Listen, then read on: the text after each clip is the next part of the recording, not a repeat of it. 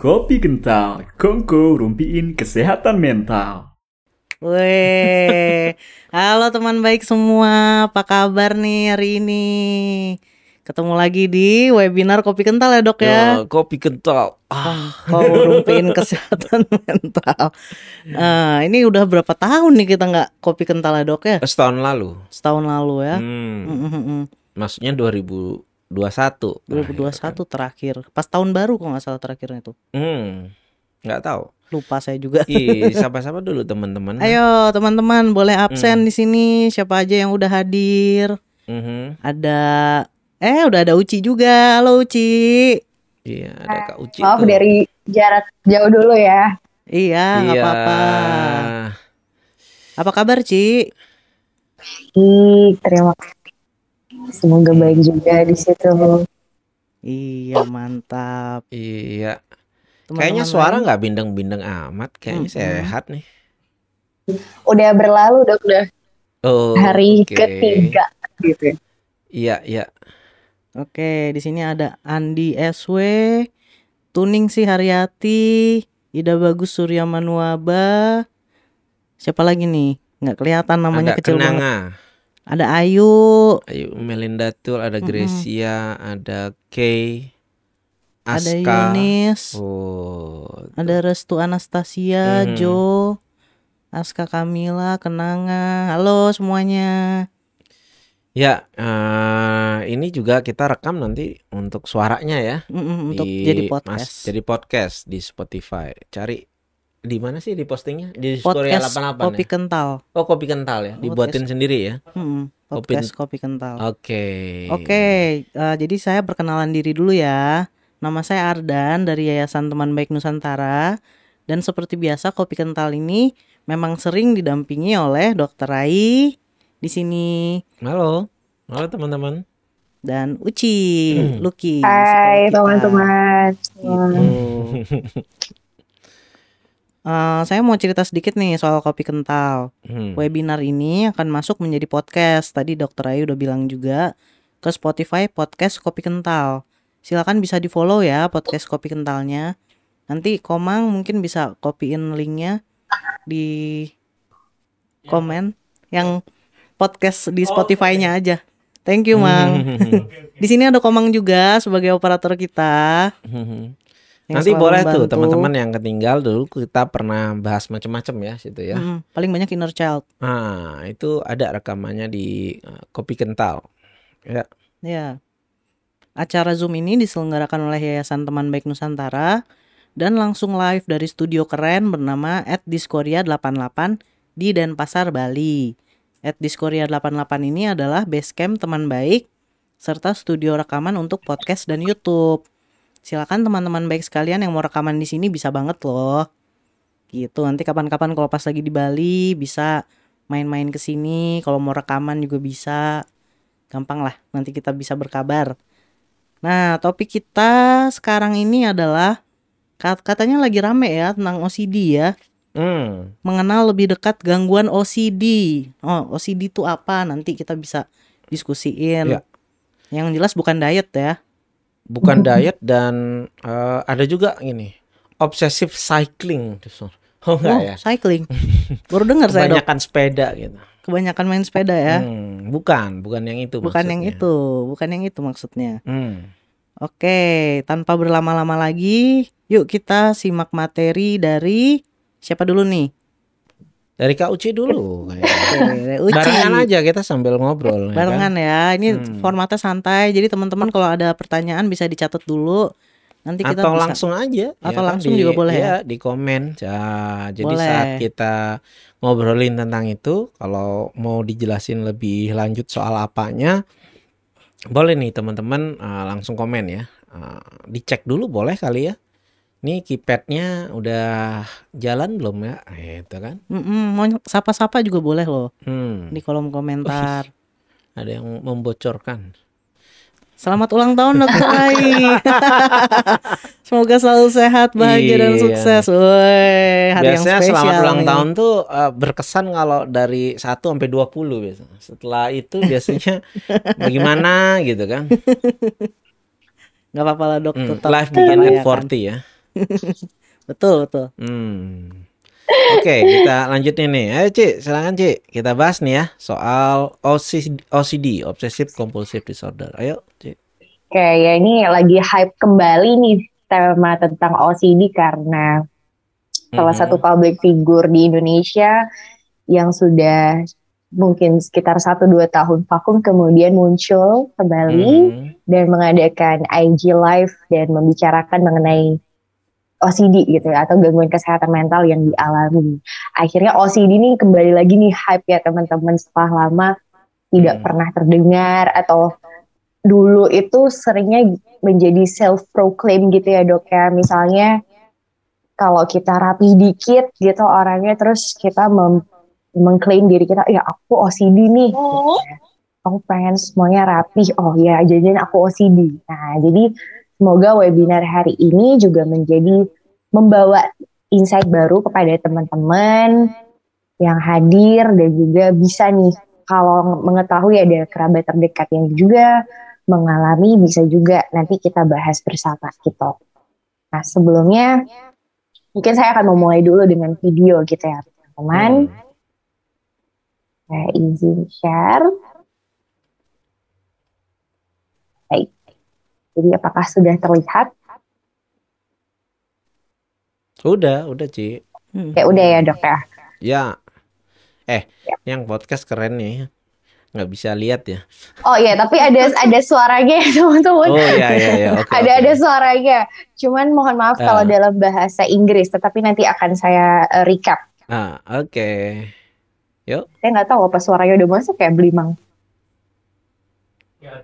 Nggak ada suaranya. Nggak ada suaranya, Ci. Ya udah berarti dari Blimang aja ya. Oke, share-nya kayaknya dari sini. Sorry ya, nih Ah, ah. biasanya kita kopi kental langsung di studio semua nih. Tapi Iya, kali ini ini keren. spesial ya. Spesial Spesial. Omicron. Omicron condition. Ah, Oke, spesial silakan. My name is Naomi. My name is Naomi. Ballet is my absolute favorite thing in the world, but a condition called obsessive compulsive disorder put my dreams of dance on hold. My obsessive compulsive disorder, or OCD, started when I was in junior high. I started to get totally stressed out by the order of things. I was fixated on making sure everything was put in the perfectly right place all the time. I felt that I had to do it, like I had no choice. I knew that what I was doing didn't make any sense and that I should just stop doing it, but whenever I tried to stop, something took over in my brain and I just had to keep going. But that wasn't all. I also had these very upsetting pictures in my mind, like dreams, but I was awake. They were images of terrible things happening as a result of a mistake I made. I saw my grandparents being murdered by an intruder who entered the house through a door I left unlocked. I became convinced that I was going to cause some life ending event as a result of my carelessness. These thoughts and images were obsessions. People with OCD have all different types of obsessions. The important thing to know is that the obsessions are unwanted, intrusive, and repetitive thoughts or images, and that the person experiencing them knows they are unreasonable and excessive. Leaving my apartment for school in the morning was a nightmare. As soon as I closed the door, the images and thoughts started. What if I left my curling iron on? What if I didn't lock the door? Something terrible will happen. My family will be hurt. It will be my fault. I have to go back and check. It felt terrible, and I was almost always late for school. Are you for real right now?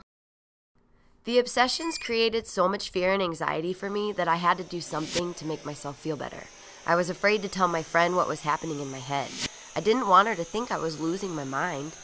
The obsessions kept building and building until I couldn't stand it anymore. I didn't know what to do, and to make it worse, compulsions began.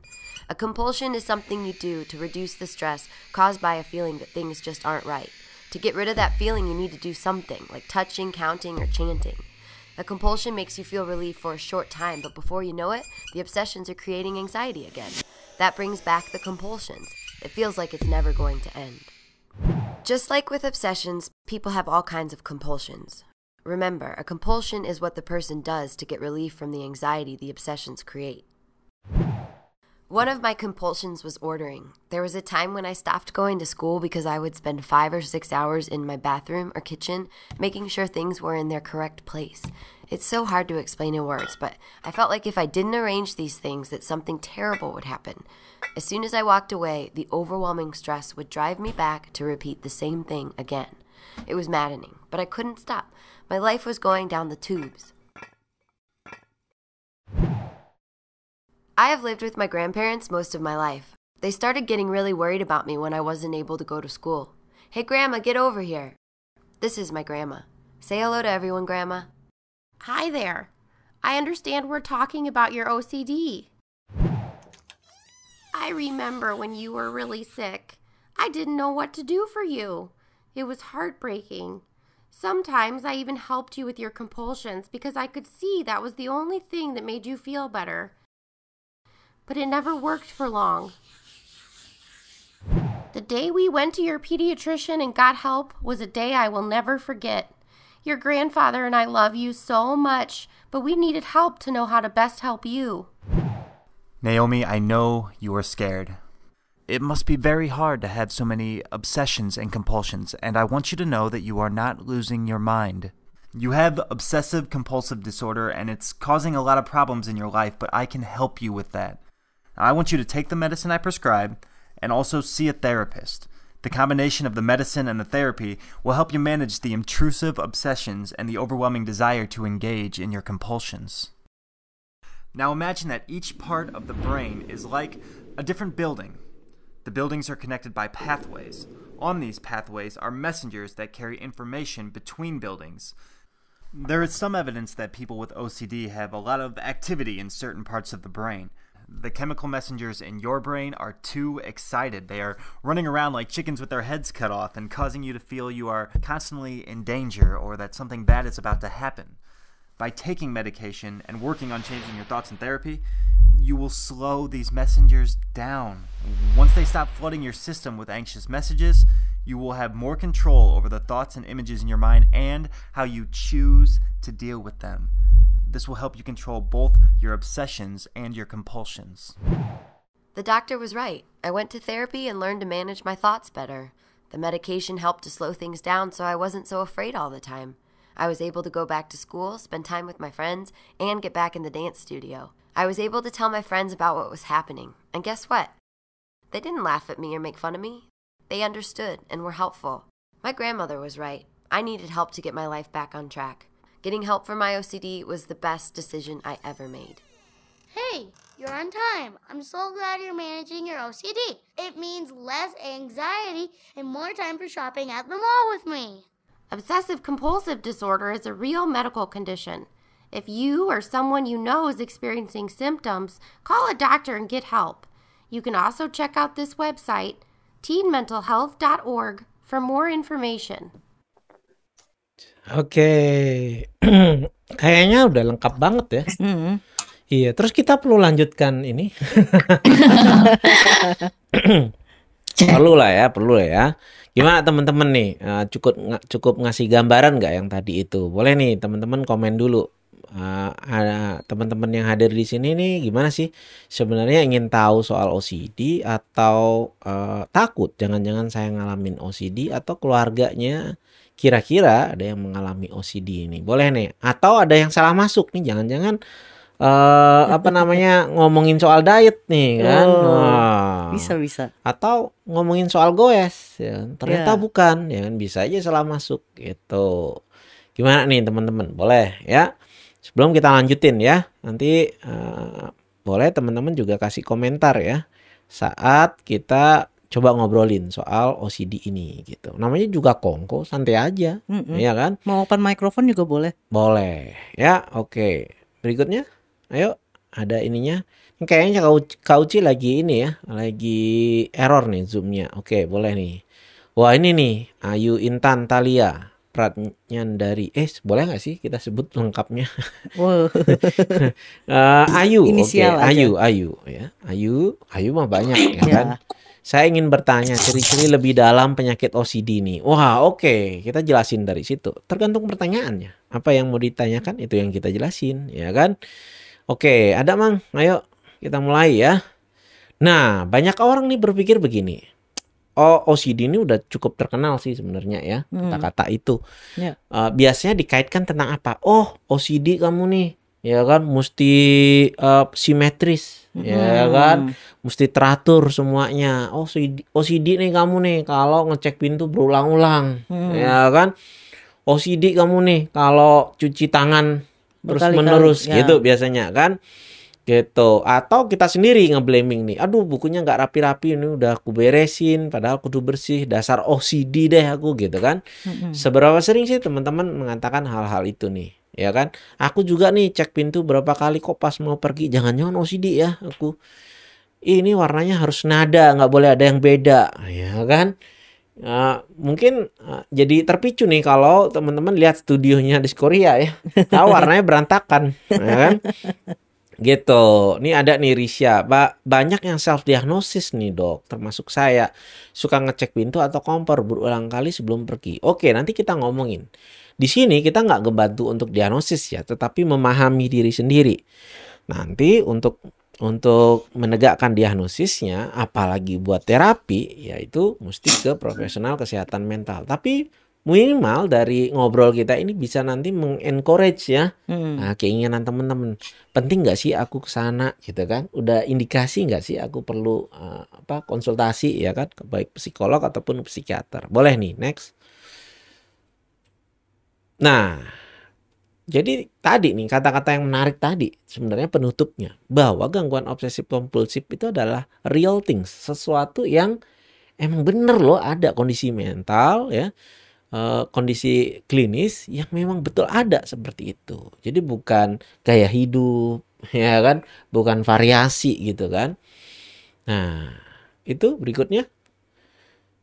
Nah, ini dia nih. Tadi udah banyak dijelasin, tapi kita ulang lagi ya. Obsessive compulsive disorder, gangguan adanya obsesif dan kompulsif. Jadi ada dua hal.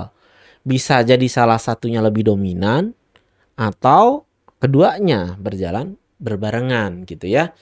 Ada obsesif yaitu pikiran intrusif ya, dorongan atau gambaran yang berulang-ulang berlebihan yang menyebabkan penderitaan yang nyata. Hmm. Jadi ini pikiran yang berulang. Ya.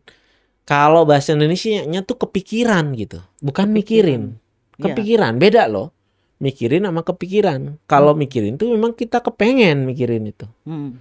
Jadi kalau orang obsesif kepikiran, tahu sebetulnya kita nggak perlu mikirin itu, tapi otomatis saja muncul dalam Automatic diri ya. kita. Iya, Hmm. gitu. Nah itu bedanya sama apa adiksi. Oh, oke. Bedanya Kecanduan. Iya, gimana tuh, Dok? Iya kan? Kalau misalnya alkohol kecanduan nggak? Bisa Kecanduan aja. dong. Hmm. Kalau nggak minum kan kepikiran terus. Hmm. Aduh enak nih kayaknya nih. Iya kan? Hmm. Begitu. Tapi kalau obsesif tuh begitu juga nggak? Mirip tapi nggak. Hmm. Karena apa? Obsesif itu kalau nggak eh, apa? Kalau dilakukan itu hanya membuat lega, Hmm. relief. Hmm. Ya kan? Kalau nanti, nah kita bahas kompulsif itu perilaku yang berulang-ulang. Tadi bagus banget ya contohnya yang tadi ada keran, ya Ya, kan?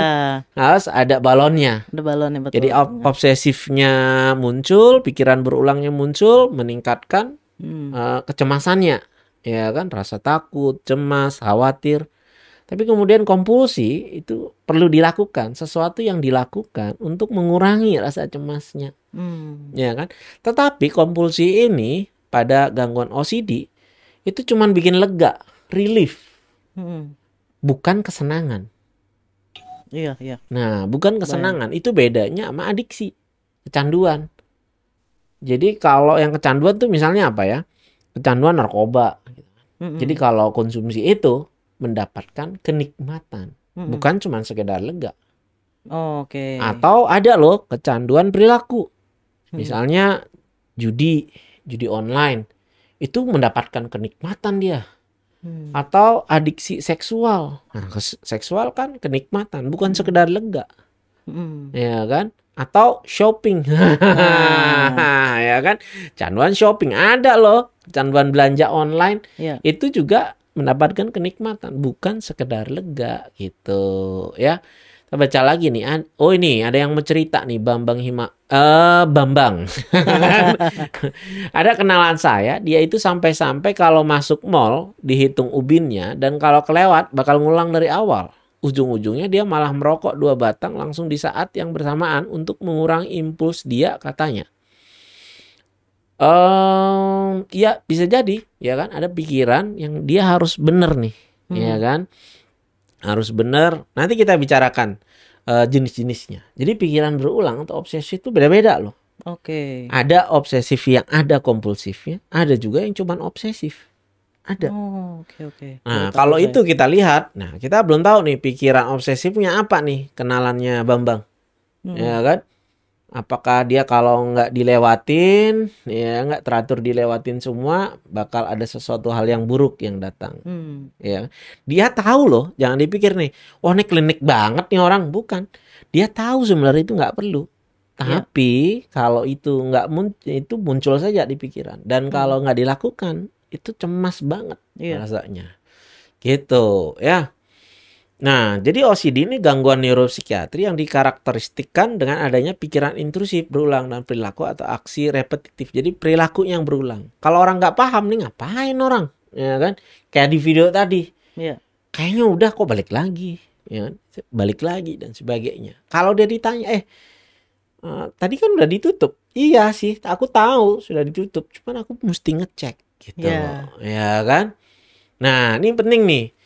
Eh, Ayu nih nanya, apa bedanya antara perfeksionis dan seorang dengan gangguan obsesif kompulsif gitu kan? Karena saya melihat OCD dengan perfeksionis ini memiliki kesamaan. Hmm. Betul. Benar dok. Gimana tuh dok? Iya, iya. Ini Uci udah gabung belum nih? Ah, Ci, bantuin dong jawabnya. Eh Ci. Eh, Oke, eh, perbedaan antara OCD dengan perfeksionis ya. Baik. Hmm. Jadi kalau perfeksionis memang di dari kitab DSM sendiri itu pun juga sudah mengklasifikasikan ada yang namanya OCPD. Jadi Obsessive Compulsive Personality Disorder. Dan berbeda dengan OCD, Obsessive Compulsive Disorder gitu. Hmm. Nah, cirinya pada orang dengan OCPD, kepribadian OCPD adalah memang perfeksionisme. Tetapi tidak melakukan, kalau OCD tadi dokter sudah menjelaskan bahwa datangnya dari pikiran obsesif tersebut. Dan untuk melegakan si pikiran obsesif ini maka ada ritual-ritual repetitif atau yang disebut dengan tindakan kompulsi. Sedangkan pada OCPD atau orang dengan kepribadian yang perfeksionisme itu eh, tidak didorong oleh pikiran yang obsesif atau pikiran yang kalau atau intrusive thoughts gitu. Tapi memang secara kepribadian eh, dia melihat bahwa sesuatu itu ya eh, dilakukan dengan sempurna dan tidak berulang kali. Jadi misalnya nih kalau orang dengan OCD misalnya menata ada nanti kita masuk ke types-nya types of OCD salah satunya kan adalah juga uh, ordering atau mengatur atau symmetrical gitu. Jadi pengennya nata buku nih simetris gitu pikiran obsesifnya. Dan pikiran obsesifnya adalah uh, stres kalau misalnya tidak teratur secara sempu- tidak teratur dengan baik atau simetris itu akan mendatangkan kecemasan sehingga tindakan kompulsinya adalah mengatur berulang-ulang kali gitu ya. Sedangkan pada orang dengan perfeksionisme mereka akan mengatur misalnya satu kali sudah rapi, sudah sesuai nih tujuannya sudah tercapai gitu ya, sudah rapi dan perfect gitu. Maka sudah berhenti, tidak ada tindakan yang repetitif atau kompulsi tadi gitu. Dan juga eh ya mungkin itu dari saya dok ya. Maksudnya Nah. ka- kalau itu kan beda antara Hmm, hmm, OCD hmm. dengan Beda. personality Itu- tadi gitu itu ya. penting banget yang dikatain Uci ya. Tapi saya mau nambahin nih ya. Ya. Namanya orang gangguan kepribadian itu terbentuk dari sejak awal kehidupannya. Oh, oke. Jadi dari kecil nih. Iya. Misalnya pengaruh pola asuh, Hmm. ya kan? Itu pokoknya hasilnya mesti 100%, Mm-mm. ya kan? Untuk semua semua hal dalam kehidupannya. Iya. Ya kan, entah berpakaian, entah keadaan lingkungan kamar, entah tugas, gitu. Jadi meliputi hampir semua aspek kehidupannya. Itu kepribadian dan tumbuh dari sejak awal kehidupan. Biasanya cenderung menetap setelah umur 18 tahun. Hmm. Gitu kan? Ya. Nah, tadi poin yang sangat baik disampaikan Uci. Jadi biasanya ya orientasinya adalah kesempurnaan. Kalau Hmm. sudah sempurna ya sudah. Nggak nggak Gitu. berulang lagi, Iya. nggak dia Dan biasanya lagi. orang gangguan kepribadian obsesif kompulsif Mm-mm. ya atau anankastik itu dia tahu ya itu perlu untuk dilakukan. Itu menurut dia. Hmm. Jadi nata buku itu perlu loh gitu. Mm-mm. Ya kan? Itu. Nah, bedanya sama OCD, jangan dipikir "Oh, ini orang OCD udah dari lahir OCD, enggak. Bahkan biasanya kepribadiannya bukan obsesif kompulsif, bukan kepribadian perfeksionis, Hmm. tapi tiba-tiba pada suatu saat, satu masa, dia tiba-tiba mempunyai gejala ini. Ada obsesifnya, ada kompulsifnya. Padahal sebelumnya nggak perfeksionis juga. Gitu. Oleh suatu trigger yang biasanya jelas. Nah, nanti kita bahas. Ada hubungannya dengan rasa bersalah. Tahu nggak nih teman-teman? Jadi ceritanya nih, OCD ini dulu eh, saya lupa namanya. Scrupulous ya. Nanti cari deh. Eh, ada bahasa Inggrisnya. Kalau dulu kan orang nggak kenal apa namanya OCD Mm-mm. Namanya Scrupulous ya namanya. Nah itu kalau dicari-cari ada seorang ratu dulu di zaman abad pertengahan dulu. Nah ini nggak suka nih sama rajanya, Hmm. suaminya. Mm-mm. Jadi dia meracuni. Oke. Tapi kalau diracunin sekali kan ketahuan Mm. bahwa dia yang meracuni. Enggak, jadi diracunin sedikit-sedikit. Oh. Jadi mulai sakit, sakit ringan, sakit sedang, tapi tiap hari dikasih ini di teh. Begitu meninggal, nggak ketahuan. Tapi dia merasa bersalah. Ya kan? Dia dike- dihantui oleh pikirannya sendiri. Sejak saat itu dia jadi cuci tangan berulang-ulang. Oh. Jadi ada simboliknya, ada simboliknya. Jadi karena dia Hmm. merasa dirinya kotor, bersalah, dia jadi berusaha membersihkan dirinya dengan Hmm. berulang-ulang cuci tangan. Ya. Nah itu sebelumnya ratu ini ya nggak ada nggak ada gangguan apa namanya kepribadian, nggak ada Oke. perfeksionisnya gitu loh. Jadi pada suatu titik kemudian muncul hal ini. Itu yang membedakan sebetulnya. Ya. Eh, Oke itu dulu nih ya kita nggak tahu nih Eh, apa nih. Oh kapan gangguan OCD menjadi berbahaya? Oh iya. Nah ini penting nih kita bahas nih kayaknya ada ya kriteria diagnosis ya. Ayo berikutnya.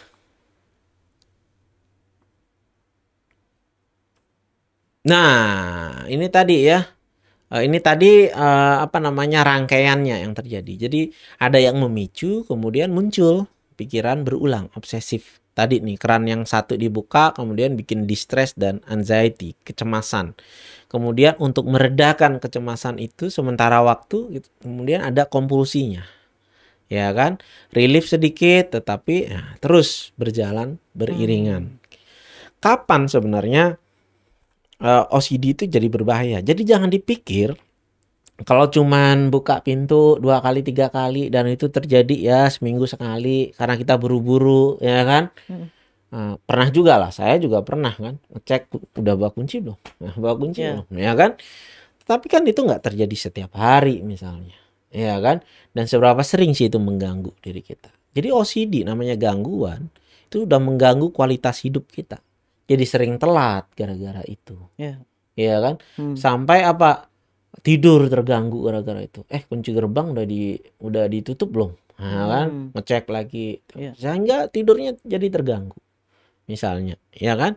Jadi ada gangguan menyebabkan distres ya dan disabilitas. Jadi kerja jadi terganggu, sekolah jadi terganggu. Nah, itu eh ditegakkan sebagai OCD. Jadi bukan hanya ada gejalanya.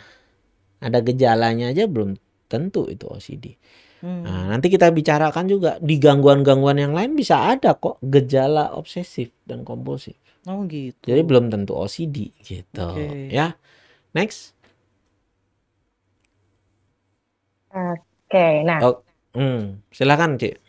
Oke dok.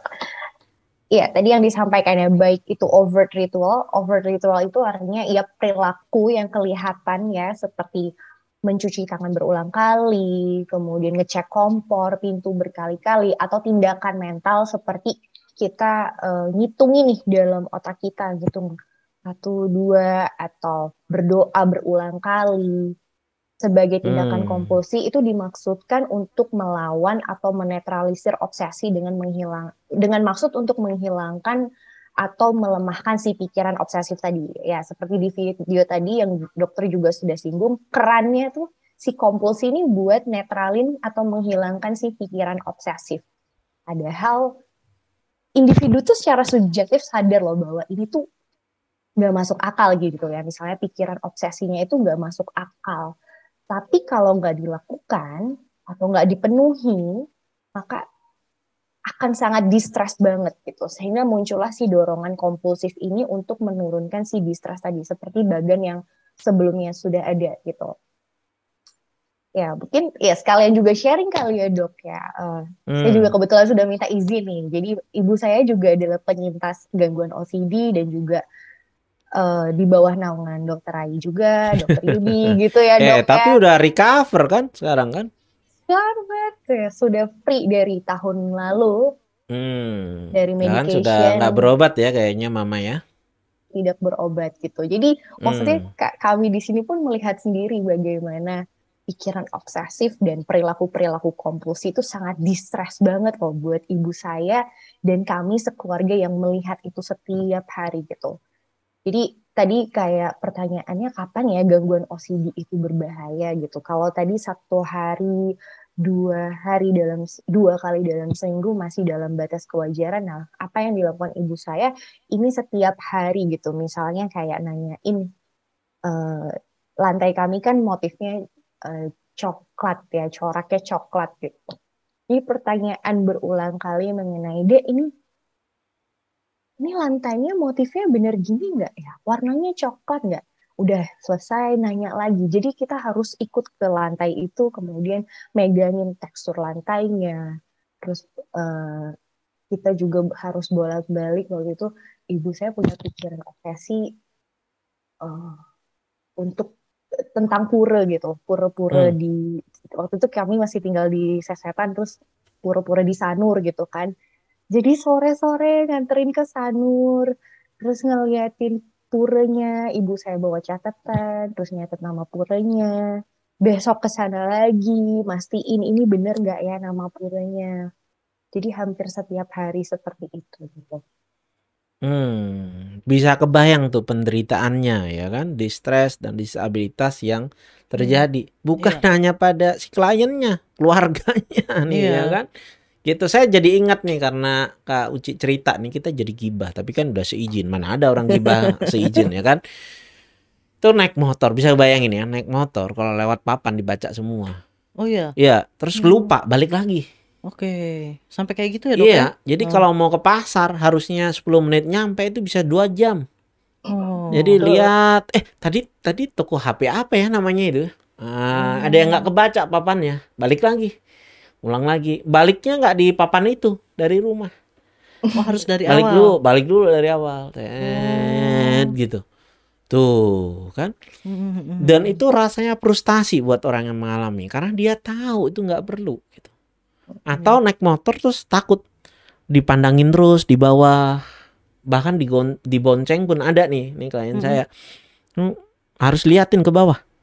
Takutnya ada yang kelindes. Oh tadi tadi itu ada cicak bukan yang kelindes gitu. ada apa sih? Harus gini harus balik harus balik. Itu nah itu tuh hal-hal itu. Atau ah ini mamanya kauci juga nih nyetrika. Hmm. kancingnya ada berapa ya? Gitu. Semua pada utuh belum kancingnya?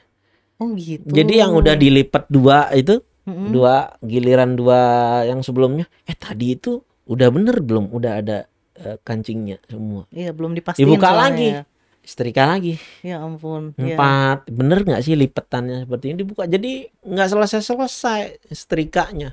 Datang itu bisa adalah dalam keadaan depres, jadi nangis. -hmm. Kok saya seperti ini? Kok nggak berguna dan sebagainya. Gitu sebenarnya. Ya bisa dibayangkan kan?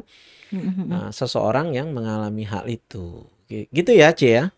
Ya betul dok. Nah, Oke. sekarang ketika recover, wah, enteng banget. kan? Bisa ngerjainnya lebih cepat, lebih berkualitas, lebih baik, begitu. Ya, boleh next nih. lanjut tadi slide-nya. Hmm. Next. Ah, oke. Ini dari ini dokter ya. Ya, ya. Nah, ini jadi rate-nya sebenarnya seperti ini ya. Lumayan cukup banyak nih, ya. Eh lebih dari 50% orang dewasa ya dengan OCD itu mengalami sero- serious impairment. Jadi mengalami apa namanya? disabilitas yang luar biasa loh Hmm. dari gejala-gejala tersebut ya dan kemudian nah ini tadi saya bilang sering kali orang awalnya nggak ngerti kalau OCD datang misalnya dengan gangguan cemas ya kan ada juga orang ADHD ya gangguan hiperaktif ya Hmm. dan attention kemudian depresi dan juga pada orang bipolar juga ada Oh, jadi komorbiditas gitu loh. Seringkali orang datang dengan gangguan cemas nih, keluhannya cemas. Setelah Hmm. dicari-cari, oh ini ada pikiran obsesifnya juga. Nah, hmm. jadi kan orang taunya dirinya cemas. Iya. Ya, padahal ada nih mekanisme obsesif kompulsifnya gitu. Next. Nah ini ya lengkapnya ya. Lengkapnya adalah muncul pikiran obsesif, perilaku kompulsif atau keduanya. Kemudian menghabiskan waktu yang signifikan untuk pikiran obsesifnya ya. Misalnya lebih dari sejam sehari kalau diakumulasi ya. Itu kira-kira aja. Kemudian membuat distres pada fungsi kehidupan, apakah sosial, pekerjaan, akademik gitu Hmm. sangat sulit mempertahankan kualitas hidup kita dengan gejala seperti itu ya dan itu bukan karena disebabkan oleh uh, penggunaan satu zat ya penyalahgunaan obat dan sebagainya itu tadi membedakan sama kecanduan Hmm. ya kan kecanduan itu dapat kenikmatan Mm-mm. satisfaction tapi kalau ini cuman relief Cuma lega aja Iya, ya. cemas atau nggak cemas gitu. Nggak nikmat, bukan nikmat Hmm. gitu. Ya. Next. Ah, ini tipe OCD-nya. Biar lebih gampang nih kita ngomongin yang slide berikutnya deh, Bang. Ya, daripada baca, lebih baik lihat ini. Nah, kan? Lebih enak. Ini buat orang OCD ini agak mengganggu Betul sih. karena mereng dia kan ya kan buat orang perfeksionis sih bukan cuma OCD ini agak mengganggu karena lingkarannya mereng-mereng Iya. ya kan sengaja jadi di sini kita bisa lihat bahwa ada obsesifnya ya ada obsesif yang ada kompulsifnya tapi ada juga cuman obsesif doang Hmm. ya yang obsesif ada kompulsifnya ini nih symmetrical jadi pengen semuanya tuh simetris Ya. kompulsifnya ordering mengatur merapikan Hmm. Jadi saya gampang biasanya, nggak hanya anamnesis. Kalau kayaknya perfeksionis, curiga OCD, sengaja tuh rekam medis, pulpen, saya berantakin di meja. Itu pasti sambil cerita matanya ke sana gitu, pengen gatel banget, pengen dirapiin gitu kan, Iya, pengen iya. dilurusin gitu kan. Iya. Akhirnya dia nggak bisa menahan loh, mesti dilurusin. Maaf ya dok, ini harus begini gitu. Hmm. Nah, begitu. Kemudian tadi yang kita udah bahas, obsesifnya kontaminasi. Selalu merasa kotor. Hmm. Bukan sejak-sejak ini, bukan hanya sejak pandemi. Nah, kalau pandemi kan banyak tuh yang kemudian terpicu, ya Iya. kan? Obsesifnya, ya kan? Udah belum ya? Udah belum ya? Nah, itu. Kemudian washing. Nah, tapi bedanya adalah orang OCD tuh tahu sebenarnya udah nggak perlu cuci tangan lagi. Hmm.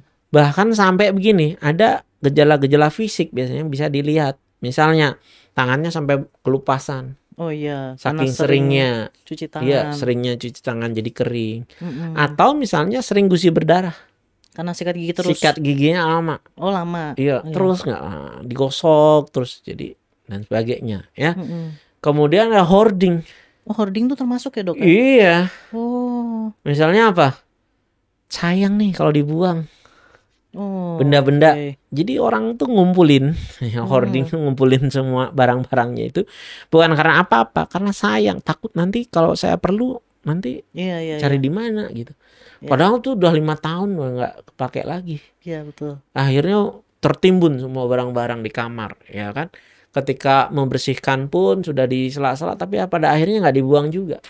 Hmm. Nangis dia, aduh, sayang nih ya kan? Iya, iya. sebagai harus orang lain yang melakukan itu dan membuangnya Mm-mm. ya kan kemudian yaitu takut teledor yang terakhir Hmm. takut teledor membahayakan orang lain gitu kan kemudian jadi kompulsinya checking Iya, ngecek saya sering udah belum sih itu. belum sih ya, Iya. dan sebagainya atau ada pikiran yang membahayakan dalam dirinya Hmm. oh kalau pakai sandal. Nih barusan nih yang tadi saya periksa.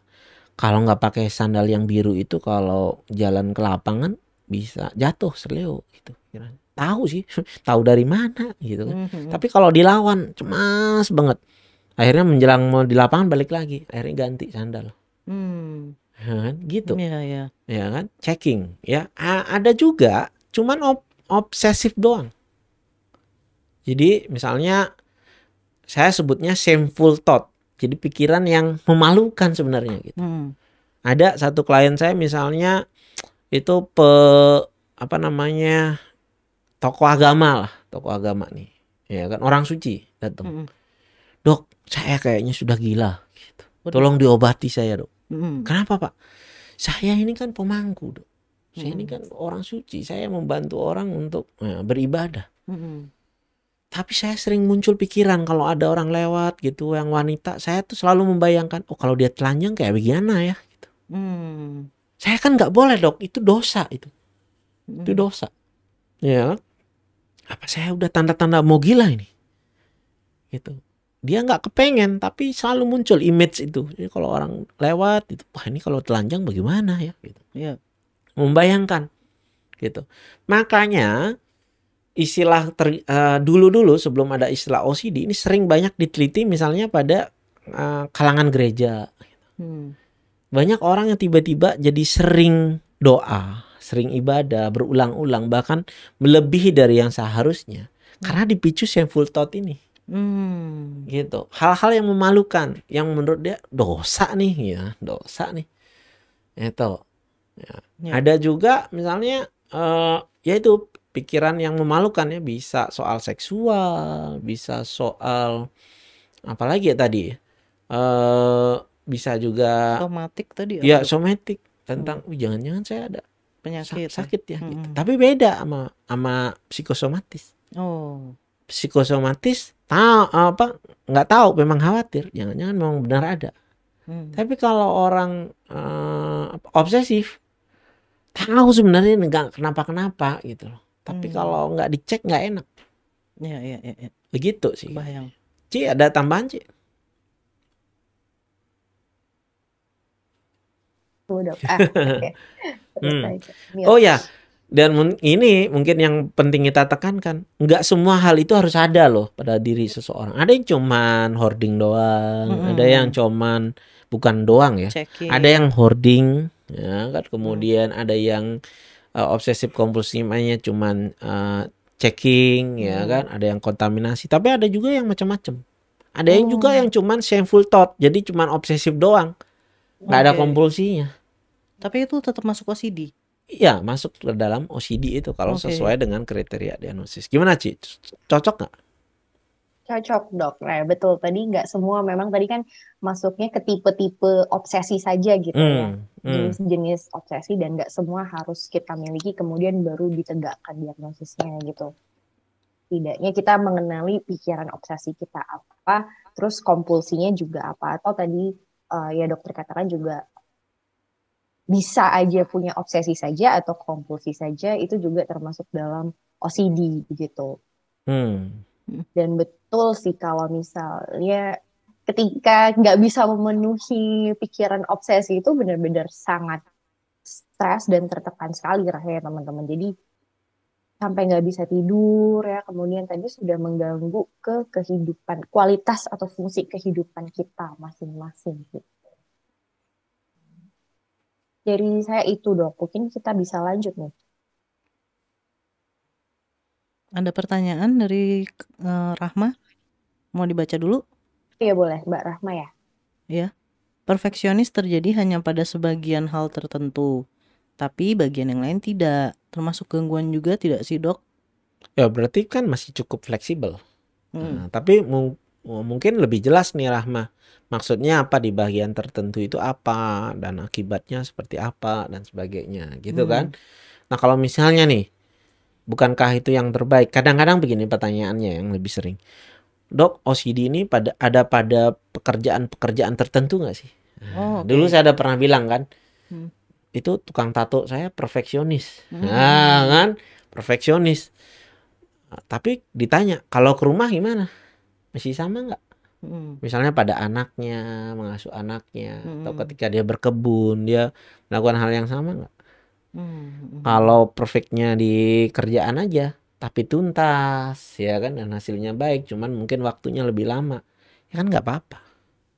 Hmm. Bagus lagi, ya kan. Iya, iya. Yang celaka kan kalau semuanya.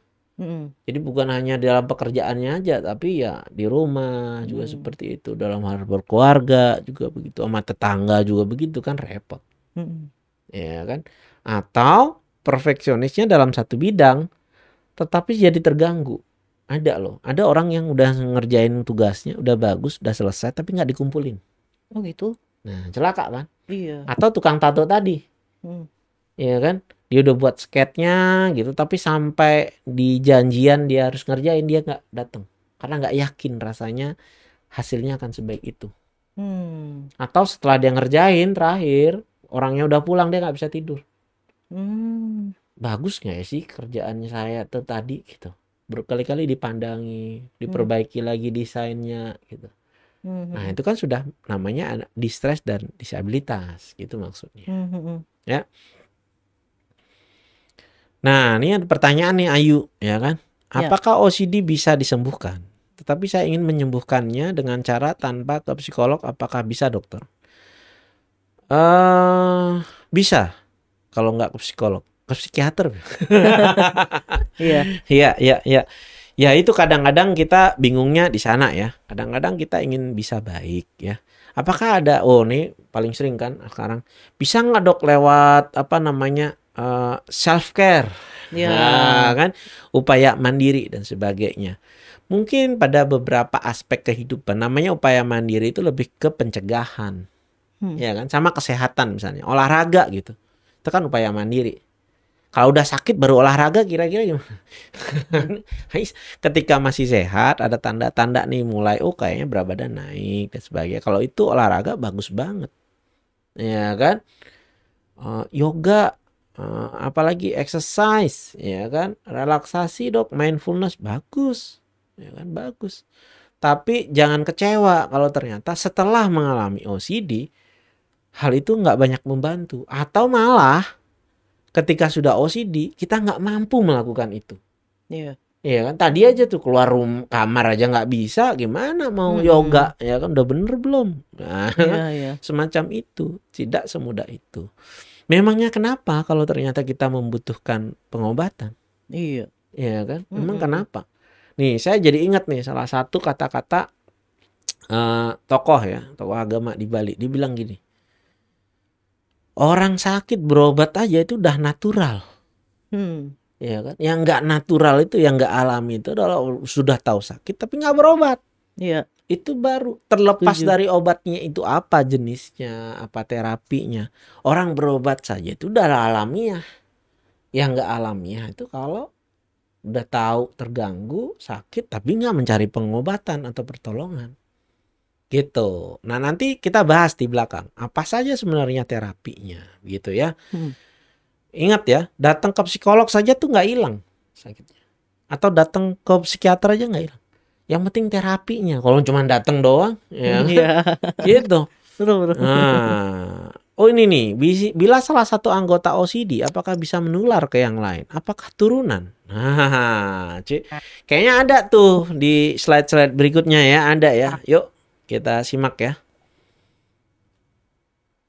Nah, Hmm, ini dia ya. nih, nih menarik nih ya kan. Tadi kita udah ngomongin OCD dimensinya, ada simetri, ada shameful thought, ada tabu, ada kontaminasi, ada hoarding. Apa sih yang terjadi dalam otak seseorang? Nah, apa hal-hal yang mempengaruhinya? Sorry nih Ci ya, ada genetic faktor ya. Varian gen ya gen expression. Tapi jangan salah ini bukan kayak buta warna. Ingat nggak di Hmm. bangku sekolah dulu kita kan ada tuh buta warna ngitung berapa persen sih kemungkinan Iya, kalau iya. dia anak laki anak cewek? Nah ini nggak bisa dikuantifikasi seperti itu. Oke. cuman soal kerentanan. Bisa nggak dok nggak punya nggak punya kerentanan genetik tapi kemudian jadi OCD bisa. Hmm. nah kan? Jadi nggak selalu harus ada kerentanan namanya kerentanan kan Mm-mm. lebih mudah saja resikonya. Tapi kalau dia bisa maintain ya self care ya kan. Hmm. Nah, maka kerentanan itu tidak akan menjadi sebuah gangguan. Kemudian ada faktor-faktor di luar diri kita. Jadi ada faktor di dalam diri, ada di luar diri kita. Misalnya ketika pertumbuhan kita dalam kandungan misalnya. Ya kan? Kemudian adanya stres ya. Misalnya kecil jadi dibully ya kan? Atau pola pengasuhan dari orang tua, ada trauma ya. Atau ada keradangan di dalam otak Mm-mm. ya yang mempengaruhi hal itu. Bisa. Itu namanya trigger. Nah, ada trigger ada kerentanan biasanya jadi. Oke. tadi pertanyaan menarik. Bisa nggak dok kalau nggak terapi? Ya apakah yang bisa dilakukan di rumah supaya OCD-nya hilang? Hmm. nah ini jawabannya bahwa ini adalah sesuatu yang nyata ada dalam otak kita ada perubahan dalam hal glutamat serotonin dopamin itu ada zat kimia di dalam otak kita yang semua orang punya nih Ardan punya, saya punya, teman-teman di sini juga punya, ya kan? Tetapi karena ada perubahan ini, kemudian ya menjadi tidak seimbang. Nah, ada nih na- namanya eh apa? CTSC. Nah, kortek striatum thalamus cortex. Jadi antara pemikiran, pusat perasaan jadi nggak sinkron, muncullah OCD dimension tadi Hmm. gitu loh. Jadi bukan oh ini perasaan kamu aja. Jadi ya tenangkan aja dirimu. Banyak bersyukur ya kan. Mm-mm. Enggak itu ada sesuatu di dalam otak Emang kita. real itu. Real, Mm. real. Next. Nah, ini yang terjadi nih. Eh, Ingat nggak tadi itu? Ada yang berlarian tadi kalau di Iya. video awal ya kan berlarian di bangunan-bangunan itu ada basal ganglia, ada orbitato frontal cortex itu gambar otak. Jadi yang terganggu nih di otak. Iya. Iya kan? Ada nih misal ya kan basal ganglia tuh untuk kontrol ya eh, tindakan, kemudian pikiran, penilaian. Ketika itu terganggu, jadinya repetitive behavior, Hmm. gitu loh. Jadi perilakunya berulang, ya kan? Kemudian kalau misalnya di nukleus caudatus tuh yang hijau, ya kan? Itu pusat emosi, nah, itu terganggu, ya kan? Itu jadinya apa? Sulit untuk memfilter, ya kan? Perasaan cemas. Kemudian kalau yang biru nih di cingulate gyrus itu ah, pusat emosi ya kan rasa bersalah. Hmm. kok aku sulit dok memaafkan kan? Ah, takut banget tuh membuat kesalahan kecerobohan jangan-jangan gara-gara saya. Lebih baik saya nggak melakukan deh nanti daripada bikin salah dan sebagainya. Itu gangguan di situ tuh ya kan? Ataupun di korteks di bagian merah ya. Itu jadi dia yang menilai ya menyaring worry signalnya Hmm. gitu. Nah, itu berhubungan nanti dengan terapinya. Jadi ini loh yang terganggu tadi. Ya kan? Mamanya Kak Uci, ya kan? Kurang apa? Wah, superior deh ibu rumah tangga yang eh, perkasa, ya kan? Iya. Nah, anak banyak tapi kemudian sukses semua. Enggak kurang apa? Rajin ibadah, Hmm. ya kan? Tapi mengalami ini Ya kan? dan membutuhkan terapi gitu. Ya. Oh ini share-nya kurang jelas. Eh, maksudnya yang tadi ya. Jadi anggota OCD itu bisa menular nggak ke yang lain? Mungkin bukan soal menular. Jadi dalam satu keluarga kalau ada yang mengalami OCD, dia mempunyai kerentanan. Semua gangguan mental itu punya kerentanan di keluarga. Tapi jangan dibalik. Apakah semua orang OCD itu punya kerentanan genetik? Dok? Belum tentu. Anda juga orang nggak punya Hmm. keluarga eh, genetik OCD kemudian bisa menjadi OCD. Ya. Tetapi kemungkinannya kalau keluarga ya kan ada yang mengalami itu lebih besar kemungkinannya. Hmm. Masih tergantung dari ada nggak trigger Faktor tadi ya. atau bagaimana kita self care di dalam diri kita. Sehingga kerentanan itu hanya menjadi kerentanan, tidak menjadi benar-benar sebuah gangguan. Mm-mm. Gitu ya. Eh, itu jawabannya. Kalau menurut saya sih udah jelas. Iya. Nah, gimana Yudit? Oke, gitu ya berikutnya. Nah ini tadi nih, ini ini kayaknya nggak usah banyak dijelasin lagi. Tadi udah banyak dijelaskan ya dalam bentuk keran tadi, ya kan? Ini yang tadi, ya kan? Nah, keran tadi. Jadi ada obsesif menimbulkan kecemasan, kecemasan keluar kompulsif. Itu ada di area-area otak kita di pusat rasa cemas. Walaupun kita gini loh, bilang, aduh perasaan saya tuh cemas. Sebenarnya bukan di dada, Nah, di Di otak, otak. itu, Iya. bagian dalam, ya, yang biru itu. Berikutnya. Nah, terapinya gimana? Terapinya, ya. Saya akan lebih bahas soal farmakoterapi nanti Kak Uci eh, menjelaskan ya soal psikoterapinya. Tuh, ya. Karena tadi yang dipengaruhi serotonin, ya kan, glutamat, ya kita perlu sesuatu di luar dari apa namanya tubuh kita untuk membantu. Hmm. Iya kan? Oke, misalnya serotoninnya terganggu dok, ya kan? Aku mau yang alamiah aja deh. Bisa nggak dari makanan? Bohong kalau ada yang mengklaim serotonin itu ada di makanan. Hmm. Nggak ada, serotonin tidak ada di makanan. Mungkin bahan bakunya iya, Hmm. ya kan? Triptopan. Tapi bagaimana triptopan berapa banyak yang dibutuhkan sampai menjadi serotonin? Iya. Ya, kayak misalnya triptopan banyak di jagung dan kacang-kacangan. Mesti makan berapa jagung? Ya, kacang? makanya untuk mendapatkan serotonin ya senilai 10 ya kan Hmm. mikrogram perlu makan dua karung jagung. Emang Hmm. kita mau? Dan jagung juga kan isinya bukan cuma triptopan, ada Iya. ada karbohidratnya Hmm, hmm. yang kita nggak butuh sekian banyak. Ya. Jadi serotonin nggak ada di makanan. Adanya di aktivitas. Jadi Hmm. kalau kita aktif ya Hmm. kan ada hal yang bisa kita lakukan, serotoninnya meningkat. Makanya lebih enak. Nah, makanya pikiran obsesif tuh lebih sering muncul kalau lagi sendiri, diam, nggak ada yang dilakukan. Hmm. Gitu baru muncul. Tapi kan nggak mungkin kita aktif terus. Iya. Kita butuh tidur, butuh istirahat, ya. Butuh leyeh-leyeh. Betul betul. Akhirnya gitu harus dipenuhi dari obat. Obat ini ya isinya begitu, memperbaiki serotonin. Bisa juga dikombinasi macam-macam. Ada kok yang bisa jenisnya juga banyak, ya kan? Hmm. Ada side effectnya nggak dok? Efek efek samping itu kan efek yang tidak diinginkan. Ya semua hal yang masuk dalam diri kita ya ada saja efek sampingnya. Makan plecing kangkung aja bisa diare, enggak?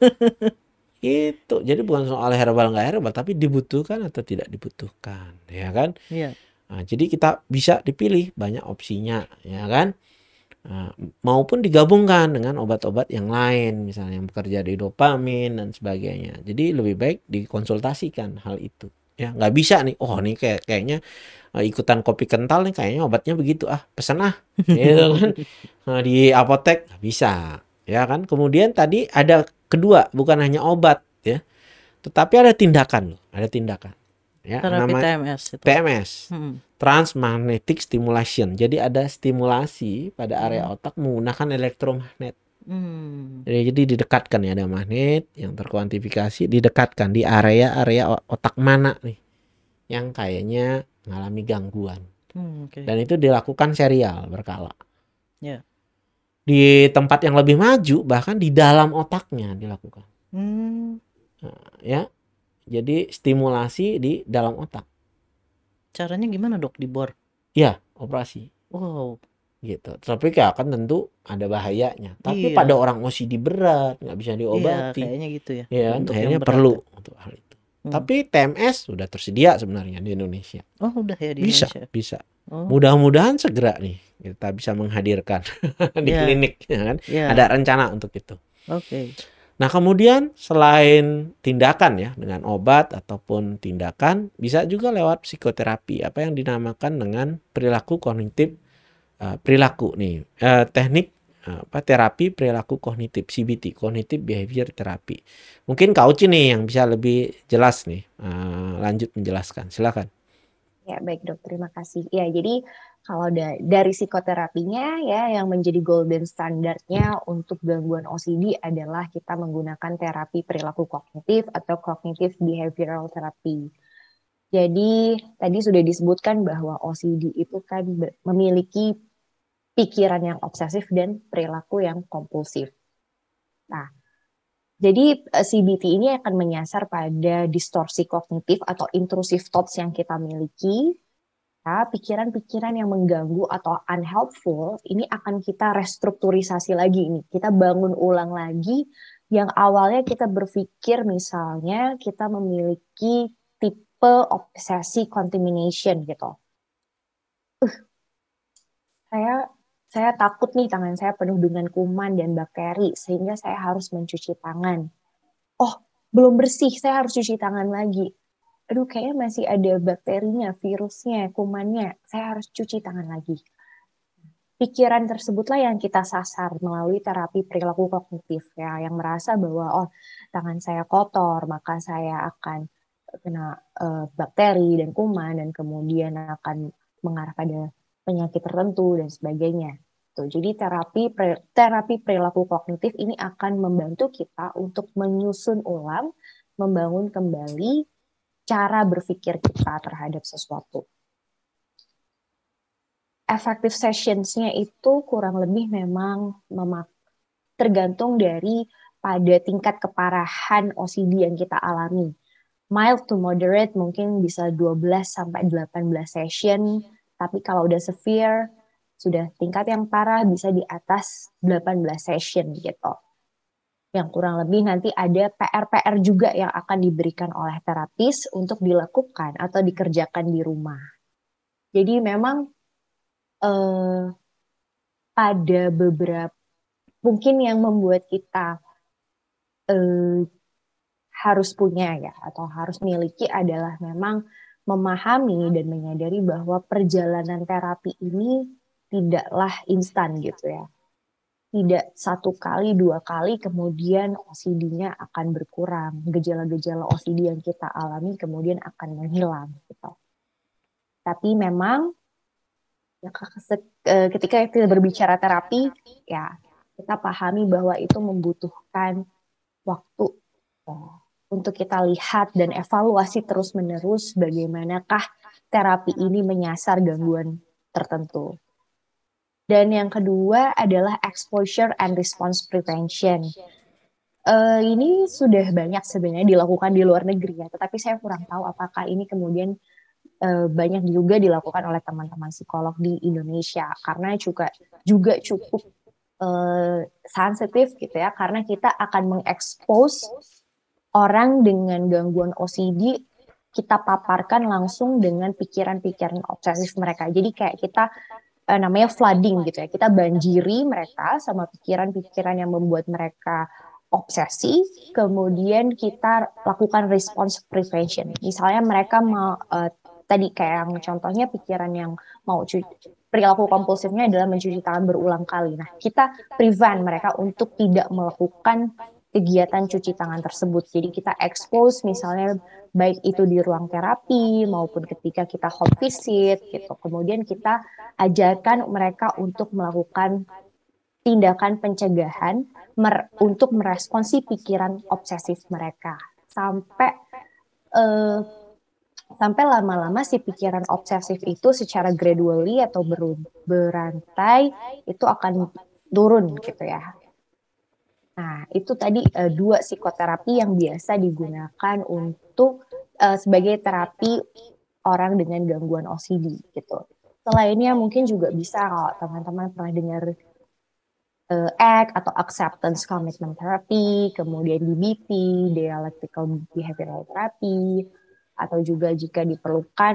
Nah, yang paling penting sebenarnya dari terapi adalah kita mempunyai support system gitu ya. Dukungan dari orang-orang terdekat, baik dari keluarga, pasangan maupun teman supaya mereka juga mengetahui sebenarnya kondisi kita apa sih yang lagi kita alami dan bantuan apa sih yang sebenarnya kita butuhkan gitu. Jadi support dari orang-orang terdekat itu juga bisa sangat-sangat membantu orang dengan gangguan OCD ataupun orang dengan gangguan kesehatan mental lainnya untuk memiliki prognosis yang lebih baik. Nah, mungkin next slide. Oke,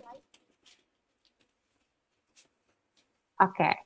uh, ini the the four phases of cognitive therapy for OCD itu ada relabel, reattribute, refocus, dan revalue gitu. Relabel adalah ini tadi dalam CBT juga ya cognitive terapinya. Jadi pertama-tama kita mengatakan kepada individu bahwa iya misalnya tadi tangan mereka nggak kotor kok, tangan kamu sudah bersih gitu. Even mereka merasa bahwa tangan mereka masih kotor. Ya, itu yang kita sampaikan kepada individu tersebut.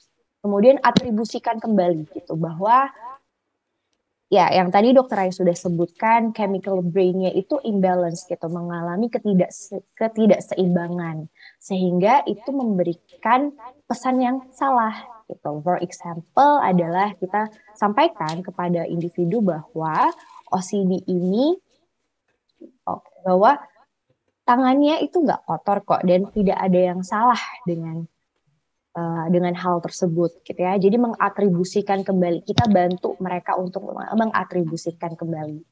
Kemudian refocus gitu ya. Jadi bantu individu untuk memfokuskan kembali atau mendivert his attention ya. Kita bantu mereka untuk mengalihkan tadi misalnya nih ada pikiran obsesi muncul, kemudian kita bantu mereka untuk tidak melakukan supaya nggak melakukan perilaku kompulsi, kita alihkan kepada perilaku yang lain, ada behavior yang lebih healthy gitu, yang tidak berulang atau repetitif. Yang terakhir adalah revalue. Individu uh, Oke, okay, ketika pikiran OCD itu muncul, ya, kemudian kita sampaikan bahwa kita ajarkan mereka bahwa oh pikiran OCD ini pikiran obsesi ini pikiran yang tidak nyata. Tangan saya saya sudah mencuci tangan saya satu kali dan tangan saya sudah bersih gitu. Jadi kita bantu mereka untuk memiliki nilai yang baru lagi terhadap uh, pikiran obsesi yang mereka miliki jadi itu tadi perjalanan dari bagaimana kita melakukan cognitive therapy for OCD patients gitu. Terakhir, next.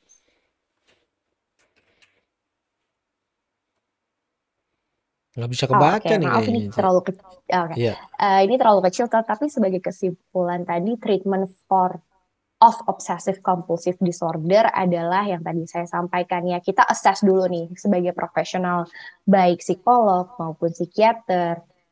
Tingkat keparahannya mild to moderate. Optionnya adalah di sini dikatakan memperoleh psikoterapi dulu CBT ataupun ERP tadi. Kemudian kalau severe kita misalnya ini ada pasien datang ke saya kemudian saya mengakses bahwa tingkat keparahannya adalah severe. Nah, kemudian saya suggest rekomendasikan pasti untuk ke psikiatris gitu ya untuk tadi yang dokter Rai sampaikan apakah perlu medication dulu ya dibantu dulu sama obat-obatan, farmakoterapi, kemudian kita combine nih akhirnya dengan psikoterapi.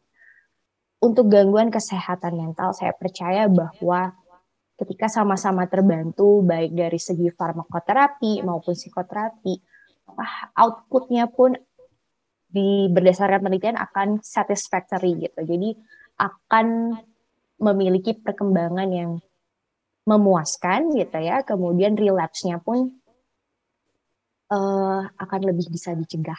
Gitu. Ini berdasarkan penelitian.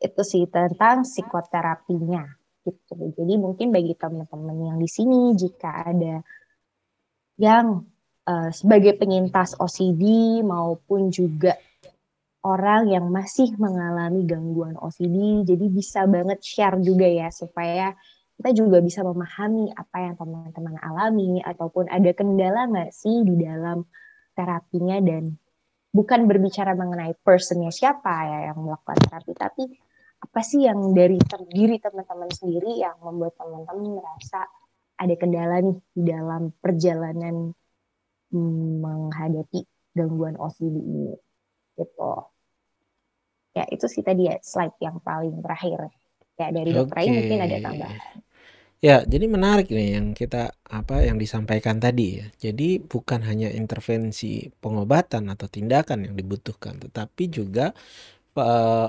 farmakoterapi, ya kan? Jadi istilahnya uh, saling apa namanya berkaitan satu sama lain, ya. Tapi ruwet dok, ya kan?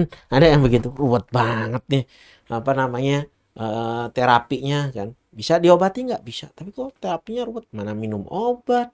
mana mesti apa uh, psikoterapi ya kan sekian sesi dan sebagainya ya kalau nggak mengalami sih ruwet ya apa namanya pengobatannya tapi buat yang mengalami lebih ruwet kalau mengalami OCD iya betul ya kan nah ini syukur ada terapinya. Banyak apa namanya gangguan yang tidak ada terapinya. Nggak ada obatnya. Hmm. biruat lagi gitu. Tetapi bisa kok. Makanya sering kita katakan ya rehabilitasi itu untuk semua orang. Tapi pemulihan atau pulih itu hanya untuk orang-orang yang menginginkannya. Gitu.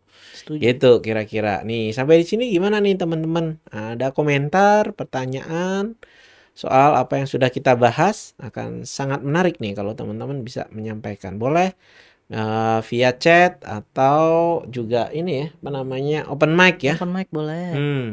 Silakan.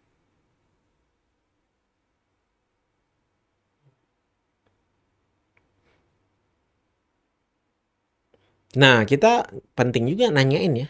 Hmm. Tadi kan uh, ada kerentanan genetik. Jadi kalau mamanya Kak Uci seperti itu ya pernah mengalami OCD walaupun sudah terapi sekarang ya dan sudah pulih. Kalau di keluarganya Kak Uci sendiri gimana? Atau Kak Ucinya? Ya, yeah. kan? Gimana nih gimana? Nah, kan? Gimana nih maksudnya melihat ada gejala-gejala apa gimana dok? Iya, gimana gitu kan? Atau tipsnya nih, kayaknya oh, saya punya kerentanan nih kan uh, supaya kerentanan ini tidak bersuli rupa menjadi apa namanya gangguan apa yang bisa dilakukan? Nah gitu dong. Apa nih? Oh ada raise hand. Bentar dulu jawabannya ya. nanti. silakan okay. silakan. siapa raise hand? Mbak Rahma. Hmm silakan Mbak Rahma. Eh kenapa aku jadi moderatornya? Saya gabut di sini Mbak Rama silakan boleh open mikrofonnya. Sudah. Ya. Siang dok, Mbak Uci. Iya. Uh, ini dok ada yang ingin saya tanyakan. Ini termasuk dalam gangguan juga nggak? Misalnya nih, uh, saya melakukan sebuah pekerjaan, uh, itu belum saya lakukan.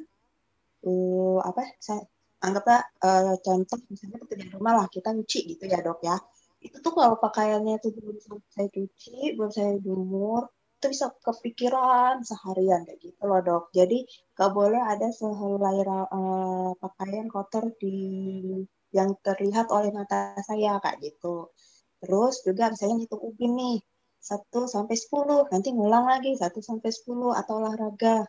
Nah, jadi kan ada misalnya hmm, jalanan yang mungkin petak-petak gitu ya dok. Hmm. itu satu sampai sepuluh. Nanti nyampe sepuluh tuh saya ngulang lagi. Satu sampai sepuluh. Terus ngulang lagi. Kayak gitu-gitu tuh dok. Huruf-huruf juga kan. Terus saya baca uh, misalnya uh, PlayStation. Nanti PlayStation itu kan kalau saya itu uh, station itu sebelas sebelas huruf ya dok. Itu hmm. saya harus sepuluh gitu loh dok. Gimana caranya cari sembilan huruf lagi satu kata yang sembilan huruf harus bisa jadi 10 lagi gitu terus berulang itu termasuk juga nggak sih dok? Okay, Seberapa gitu, sering hal-hal itu terjadi? Uh, bisa bisa berhari-hari. Hmm. Uh, kalau saya nggak melakukan tuh kayak ada yang kurang nih.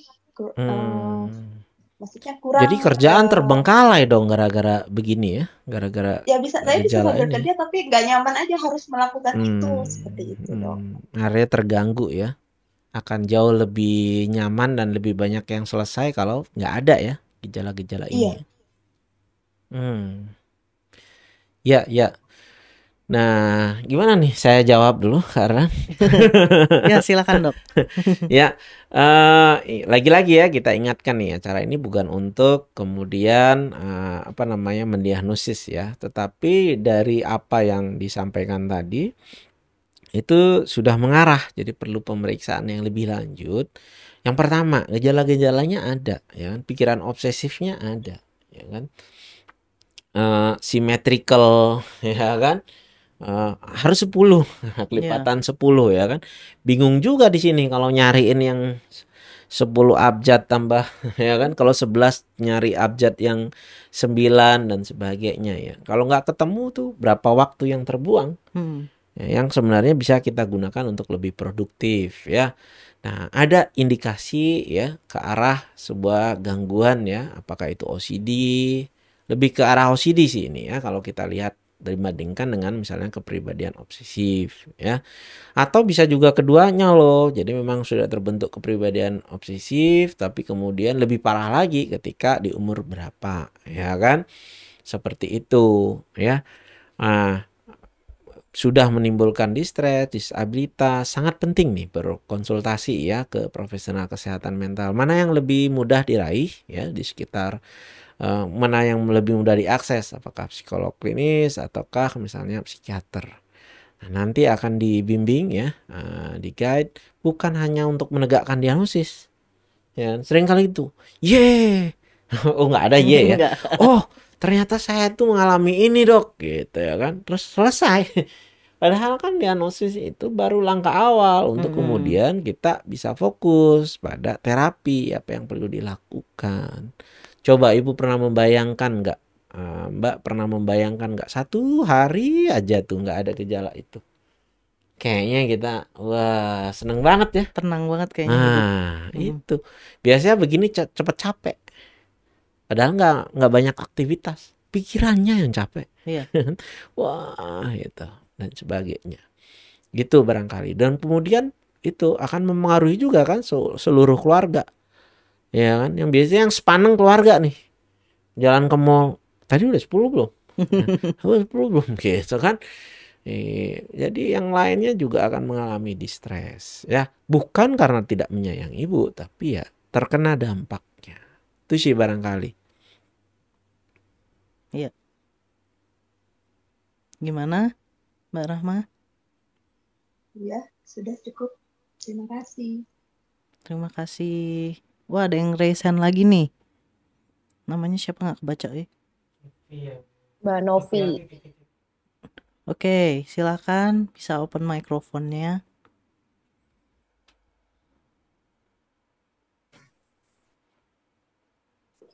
Halo, selamat sore. Sore. Eh, sore, eh, jadi izin saya mau sedikit sharing tentang pengalaman saya. Dan ada terakhirnya saya mau tanya sesuatu juga sih buat eh, Dokter Rai dan juga Mbak Uci. Jadi gini, eh, kurang lebih sekitar tahun 2019 itu saya mulai mengalami beberapa simptom yang eh, relate dengan yang tadi dijelaskan pada materi gitu. Jadi mulai kayak saya bersih-bersih kamar, terus bersih-bersih kamar mandi, dan itu saya mulai merasa ada yang janggal itu karena saya sempat membersihkan kamar kos itu satu hari full yaitu 24 jam itu tanpa istirahat tanpa minum, tanpa makan dan lain sebagainya. Jadi kayak benar-benar uh, cuman bersih-bersih aja gitu. Uh, itu secara nyata mempengaruhi aktivitas sehari-hari saya menyebabkan jadi sering telat sama yang kayak tadi dokter ceritakan gitu. Jadi sering telat, habis itu juga banyak kegiatan-kegiatan yang terbelengkalai karena itu gitu. Dan saya juga punya kendala kayak memisahkan antara barang-barang yang saya anggap bersih dan juga kotor. Misalnya kayak HP itu kadang saya nggak berani buat bawa keluar karena saya anggap HP itu barang yang bersih. Jadi uh, tidak bisa tidak berani untuk saya bawa keluar. Kalaupun ada barang-barang yang dari luar harus masuk ke dalam itu harus saya cuci, harus saya lap. Kayak misalnya saya belanja apa gitu di supermarket, itu saya bisa mencuci itu misalnya kayak saya belanja tisu, saya belanja uh, atau alat-alat kebersihan itu saya cuci dulu di luar, habis itu saya cuci di kamar mandi yang di dalam kos, habis itu baru bisa saya pakai kayak gitu. Nah, hal itu um, membuat saya itu mencoba untuk datang ke profesional dan saya sempat sudah beberapa kali datang ke profesional uh, menjalani terapi dari awal sampai akhirnya terminasi atau selesai itu saya sudah sempat juga menjalaninya namun kebetulan belum pulih juga sampai saat ini dan kebetulan uh, kalau saya ingat lagi dari tahun 2020 itu 2020 akhir sampai saat ini saya jadi sampai takut keluar rumah gitu. Gitu. Nah, hal itu jadinya ngebuat saya itu merasa hopeless uh, dengan kondisi saya. Uh, mungkin itu aja dari saya. Uh, mohon tanggapannya. Terima kasih. Oke, terima kasih Mbak. Uh, bagaimana dari Kak Uci atau Dokter Ai duluan yang mau menanggapi? Berat sekali pasti itu ya? Hmm. Iya, iya. Ya. Uh, saya prihatin banget nih ya kan, mm -mm. mengalami hal itu. Padahal pasti rasanya kita punya potensi besar ya untuk lebih produktif, lebih mm. mengembangkan kualitas yang ada di dalam diri kita. Kalau semua hal tadi saya masih membayangkan tuh kalau semua belanjaan mesti dicuci ya kan? Iya. Kalau beli nasi pecel, nah nyucinya gimana itu? Nah itu dia, ya kan? Kalau belinya barang elektronik kayak gimana, ya kan? Mm -hmm. Itu. Hmm. Saya jadi ingat ada loh yang mengalami seperti Mbak Novi. Bahkan uh, foreigner nih orang Rusia. Hmm. Itu kayaknya jauh lebih ekstrim lagi. Oke. Okay. Jauh sebelum pandemi, dia kalau di rumah pasti naked makanya sampai sekarang saya nggak pernah ketemu langsung online pasti suami yang datang hmm. nggak mungkin ketemu saya ya kan karena ini wanita nih hmm. kemudian ya begitu sampai sekarang suaminya itu nggak bisa punya rentalan motor pengen rental sebulan gitu hmm. sehari harus dia balikin kalau nggak itu motor mesti dicuci dicuci aja bahkan nggak cukup baju suaminya itu harus sekali pakai, sekali pakai. Setelah itu harus dibuang, dia harus ganti baju yang lain. Oh, Oke. Okay. Gitu. Walaupun dia tahu sebenarnya nggak bahaya-bahaya banget gitu. Dan dia tidak menginginkan hal itu. Gitu. Nah, syukur ya Mbak Novi sudah terbuka nih ya, sudah datang ke profesional. Saya nggak tahu apa terapi yang sudah dijalani sebelumnya, hmm. tapi kalau dari cerita itu apa sudah diterminasi ya. Biasanya kalau belum mendapatkan, saya belum jelas nih, apakah diterminasi karena sudah ada perbaikan, sempat sempat uh, recovery 100% tapi kemudian muncul lagi, atau memang belum banyak perbaikan juga tapi sudah terminasi saya pikir kalau terapinya farmakologi atau pengobatan jarang ada yang melakukan begitu. Ya, nah, kenapa harus dihentikan atau diterminasi kalau memang perbaikannya belum didapat? Hmm. Ya kan? Ya. Uh, ya cari terapis itu kayak cari jodoh lah, cocok-cocokan, ya, ya kan? Hmm. Kemudian bisa saja juga uh, obatnya juga sekian banyak pilihan Cocok ya kan? juga dok. Cocok-cocokan hmm. juga. Kalau belum dapat yang cocok ya kita cari yang lebih cocok ya kan? Oh, ya. So, ada juga yang alasan. Lagi omikron dok. Ya kan?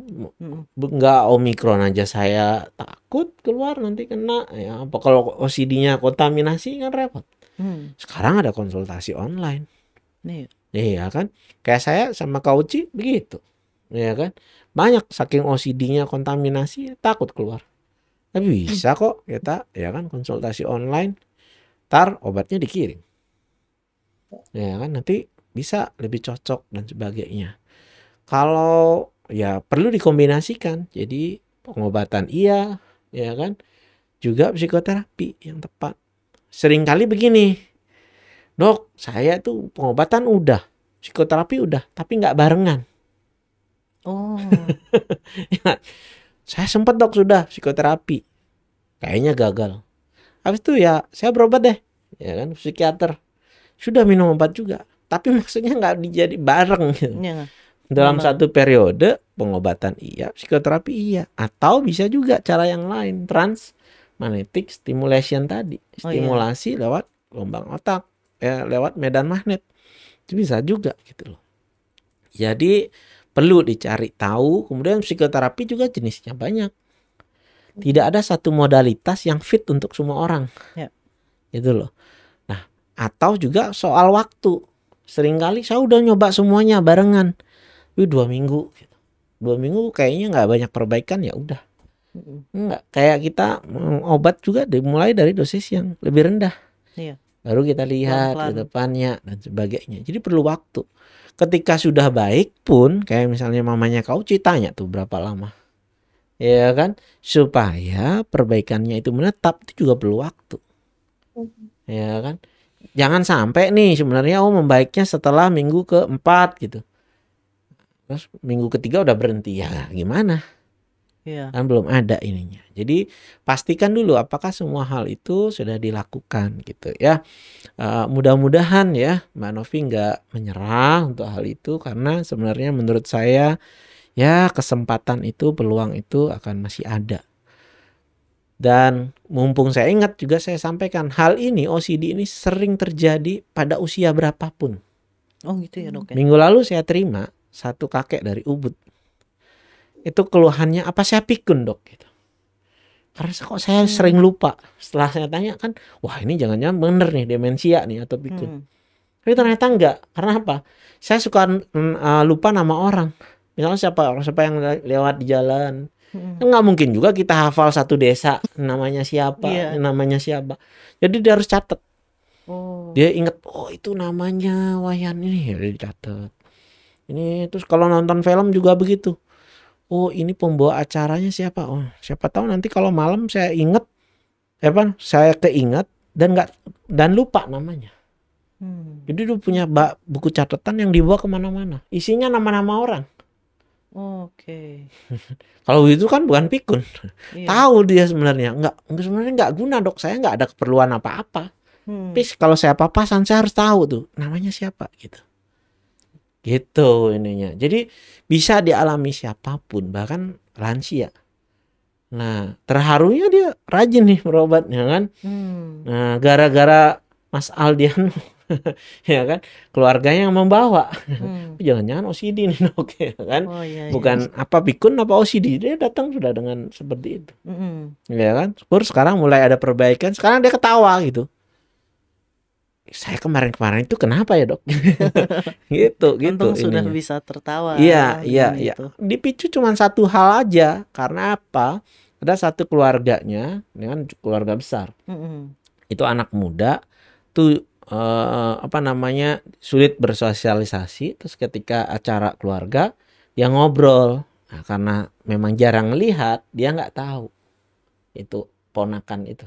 Hmm. Ya kan, ini ponakan yang mana gitu. Jadi rasa bersalah dok. Iya, Hmm. akhirnya katanya ngam- ngambek deh ponakannya. Hmm. Cerita sama orang tua, orang tuanya komen, gimana sih kok nggak hafal gitu. Hmm. Saya merasa bersalah terus langsung OCD. Oke. Ya Iya, kan? iya, iya. Seperti itu kebetulan ya. Eh, klien ini seperti itu. Gitu sih. Eh, sebelum ngal- ngalor ngidul mungkin boleh nih Kak Uci ya. Mm-mm. Hmm. Ya, oke. Ya, izin menambahkan sedikit. Ini mohon maaf juga off cam karena sinyalnya kurang baik. Mhm. Ya, Mbak Mbak Novi, eh, ya berat sekali pasti ya sampai akhirnya tidak berani keluar rumah. Itu kan juga kondisi yang pasti sangat stressful ya. Tapi benar saya sepakat dengan Dokter Rai, semoga tidak menyerah untuk mencari, untuk berjuang terus begitu. Bahwa mungkin kalau tadi kan sudah mengatakan sudah memperoleh bantuan profesional, apakah itu bisa diaplikasikan lagi gitu kan? Biasanya dalam psikoterapi nanti ada yang namanya relapse prevention. Jadi apakah bisa digunakan keahlian keahlian yang sudah disampaikan oleh terapis kemudian juga betul mungkin ketika saat ini memiliki kecemasan untuk keluar rumah ya, kita bisa mengakses bantuan itu secara daring juga gitu jadi semoga bisa mengaksesnya gitu ya dan sharing sedikit perjalanan ibu saya juga untuk sampai di tahap saat ini itu dari saya SMA sampai saya kuliah. Jadi kurang lebih mungkin ada 10 tahunan gitu sampai akhirnya bisa untuk ya maksudnya dokternya kalau udah selesai terapi kan katanya salaman ya sampai udah bisa salaman gitu untuk udah selesai saya yang nganterin saya ingat banget pokoknya saya nganterin ibu uh, ke ruangan hmm. itu. Jadi udah selesai gitu. Jadi itu juga betul pencarian uh, terapinya itu juga dari A sampai Z deh dari mana ke mana itu udah dicari gitu. Sampai akhirnya mungkin menemukan yang tepat kemudian juga uh, bantuan obatnya juga tepat gitu. Kemudian kami keluarga pun juga jadi lebih memahami gitu kan kami juga punya edukasi nih mengenai oh ini loh namanya gangguan OCD gitu ya. Waktu itu kan belum saya juga belum di tahap ini gitu ya. Jadi kami juga sama-sama belajar sebenarnya sebagai keluarga untuk memahami oh ini loh ada gangguan OCD gitu. Apa sih gangguannya kayak gini-gini? Terus gimana sih peran sebagai orang yang saat ini paling dekat sama ibu supaya bisa menjadi support sistemnya gitu kan? Kayak terbayang sekali ketika ibu lagi ada di posisi yang uh, terjebak sama pikiran obsesi dan perilaku kompulsi itu kan sudah sangat stressful. Kemudian kami juga yang ngelihat itu juga sudah sangat ya nggak bisa dipungkiri ya waktu itu udah sangat stressful. Uh, kondisi keluarga juga wah udah wah udah nangis nangis udah marah marah ya kalau udah ngasih tahu tuh udah udah nada tinggi semua gitu ya. Karena sudah di tahap saking capeknya ditanya berulang kali gitu. Udah ngasih tahu ditanya lagi ditanya lagi gitu. Tapi akhirnya kan kita ada di satu titik di mana kami bisa memahami ya ini gangguan gangguan loh gitu ya yang bisa kok untuk di treatment kita. Jadi semoga Mbak Novi pun juga memperoleh keyakinan tersebut gitu ya dan bisa terbuka kepada orang-orang yang dipercaya untuk mendapatkan dukungan yang 100% juga gitu. Semoga tidak menyerah untuk mencari bantuan dan mendapatkan yang terbaik. Gitu. Oke, nah saya jadi keinget nih Cik ya kan karena kau cing ngebahas tadi ya oke tadi yang dijelaskan tuh based on symptom ya kan CBT ya hmm. ya kan DBT saya juga punya pengalaman untuk melihat latar belakangnya OCD itu ada yang mencetuskan pertama kali biasanya berhubungan dengan guilty feeling hmm. rasa bersalah gitu di dalam diri kita kadang udah di based on simptomnya based apa berdasarkan gejala yang kita udah cari penting juga latar belakangnya gitu. Ya. Apa sih gitu? Akarnya gitu? ya. Masalahnya nih ya, menjadi hmm. uh, itu. Misalnya kayak kakek tadi, oh nih karena ponakan ya hmm. dan sebagainya. Dan artinya itunya yang ditangani. Atau misalnya ada juga orang yang apa ya menentang keluarga gitu kan merasa tapi udah apa ya e, menikah misalnya tidak direstui dan sebagainya dia merasa ada rasa bersalah di situ jadi masuknya ke latar belakang itu. Tidak hanya juga berdasarkan simptom. Bahkan kalau nggak salah beberapa malah oke okay, ini kayaknya masalahnya nih, traumanya nih. Hmm. Kemudian kita oh. hipnoterapi, tapi di profesional kesehatan mental ya, saya lakukan pada saat yang tepat ya. Penting untuk kemudian menangani latar belakangnya. Tapi ada juga yang begini, nggak sabar kan. Wah karena dokter Rai bilang nih bisa kok dengan hipnoterapi. Jadi ujuk-ujuk datang dok saya OCD, hipnoterapi dong. Hmm. Terus tidur terus baik gitu. Enggak seperti itu. Ekspektasinya begitu ya. Sering kali saya itu dicap sombong malah dan. Hmm. Kenapa sih gitu? Dibayar juga. Berapa sih dok? Gitu. Bukan begitu. Ini tahapnya begini nih. Misalnya pas orang lagi OCD, gejalanya lagi kenceng. Hmm. Dia pengen juga susah. Apalagi hipnoterapi, belajar mindfulness lah. yeah. Susah. Udah terlalu riuh di sini. Hmm. Ya kan? Okay. Itu sama kayak rumah yang lagi kebakaran. Terus kita nanya, ini uh, sumber apinya di mana ya? Apa colokannya kah? Apakah kompornya apa-apa? Yeah, yeah. Susah. Diobati dulu. Hmm. Ya kan? Dipadamkan dulu apinya. Sudah padam, jangan selesai. Baru kita cari ini kira-kira apa yang menyebabkan. Nah, latar belakangnya kita cari gitu. Ya. Uh, itu barangkali juga penting. Apakah misalnya berbasis apa psikoanalisa juga sudah dilakukan, ya kan? Mm-mm. Ada pertanyaan lagi nih.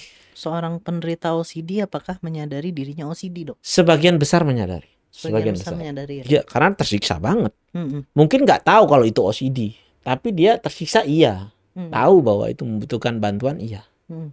Ya kan? Tapi ada juga yang nggak merasa. Mm. sampai ada apa gangguan di fisik kayak tadi saya bilang gusiknya sering berdarah tangannya Tangannya terkelupas dan sebagainya jadi datangnya dengan hal itu misalnya bisa jadi ya kan tapi apa pun itu ya kita sebagai orang-orang terdekat yang mensupport bahwa oh ini loh kasihan lah Mm. kalau dibiarkan seperti ini gitu sih kayaknya Oke. Ya, Eh, betul. dari Ya, eh, Mbak Novi ya tadi ya. Mbak Novi masih ada? Iya masih, Mbak. Hmm, gimana dengan Eh, tanggapannya? Apakah eh, lebih terima lega? kasih. Mm-mm. Ya, terima kasih untuk tanggapannya Dokter Aidan Mbak Ci. Eh, ya, saya juga sedang berusaha untuk bisa kembali mengakses profesional untuk kebaikan saya juga dan orang-orang di sekitar saya juga. Terima kasih. Eh, Udah mengadakan acara ya. Iya, sama-sama. Tetap semangat ya. Oke. Iya. Mungkin Mungkin izin eh, Kak, Kenapa? Kak Ardan ya izin menambahkan sedikit tadi dari Ya, yang boleh. dokter Rai tadi kan eh, tentang psik terapinya juga ya psikoanalisisnya gitu. Ya Ya. kalau CBT memang eh, basisnya adalah here and now gitu ya. Jadi apa masalah yang mengganggu saat ini kemudian itu yang coba kita eh, recover bersama-sama gitu. Tapi juga tidak memungkiri bahwa betul ada pengalaman traumatik misalnya, kemudian bagaimana pola asuh orang tua itu sangat berpengaruh terhadap saat ini kita masa dewasa itu juga bisa tuh di proses perjalanannya biasanya saya juga akan mengulik itu gitu jika klien sudah siap gitu ya untuk kita menuju ke sana ya kita akan menuju ke sana gitu jadi memang penting juga kan untuk mengetahui apa sih root problemnya gitu apa sih akarnya ya yang membuat seperti ini sehingga keberfungsiannya akan menjadi maksimal, kualitas hidup akan juga menjadi maksimal. Gitu sih. Oke. Terima kasih Kak Uci. Sama-sama Kak. Oke, mungkin yang tadi eh, jadi pertanyaan terakhir kali ya karena waktu juga udah Yeay. Nggak ada menunjukkan. hadiah nih, nggak ada hadiah. Oh iya. Mau ngasih hadiah, Dok? Iya, bukunya masih nggak? Buku masih sih kayaknya ada beberapa. Iya. Siapakah yang mendapatkan hadiah? Ya, Kebetulan ada buku dari teman-teman kayaknya yang ada KPSI ya. KPSI. Iya, Ya. apa edukasi tentang kesehatan jiwa, tapi secara umum ya. Eh, dari Mas Bagus Utomo, jadi founder dari eh, apa namanya KPSI ya, supaya kamu mau kenalan denganku. Siapakah yang kita kasih hari ini? Siapa, Dok? Jeng jeng jeng jeng. Oh, kan ini saya yang punya, jadi kehormatan saya dong ngasih ya kan. Ya, Kayaknya yang penting dapat dan mau share tadi untuk menambah semangat kayaknya Kak Novi deh ya. ya, siap. Wah. Weh, Wih. selamat Kak Novi. Nanti dikirimin ya. Ya. Nah, Pak, Oh. kalau bukunya nggak terkirim juga, nah, salahnya Kardan ya. Waduh, tanggung jawabnya besar ya.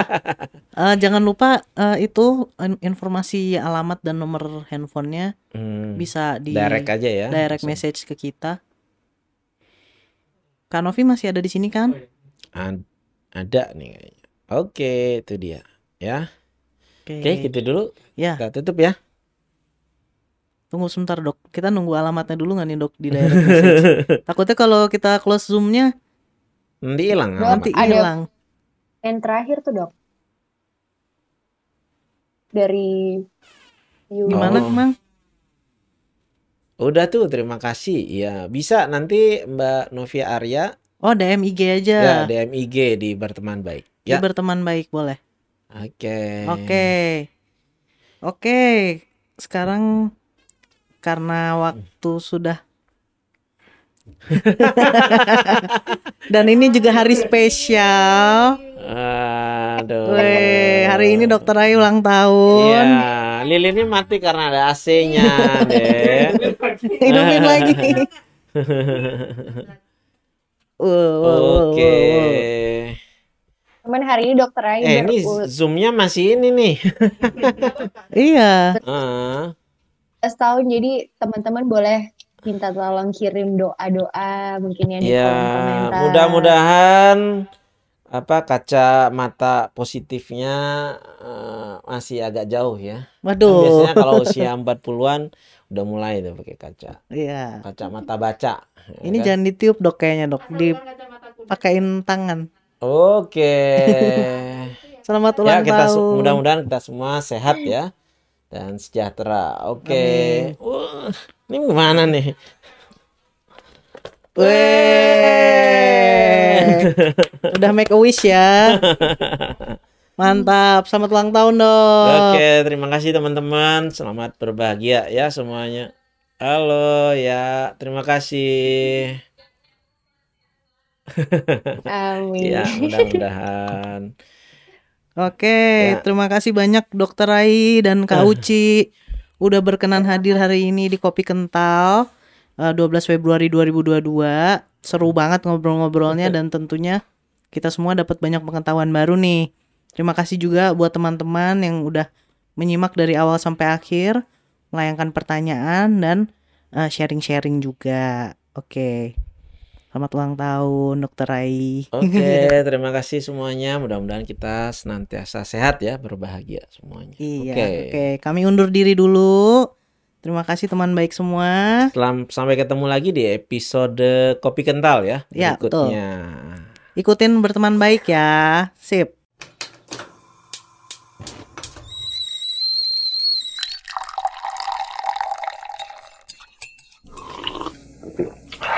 Kopi kental, kongko rumpiin kesehatan mental.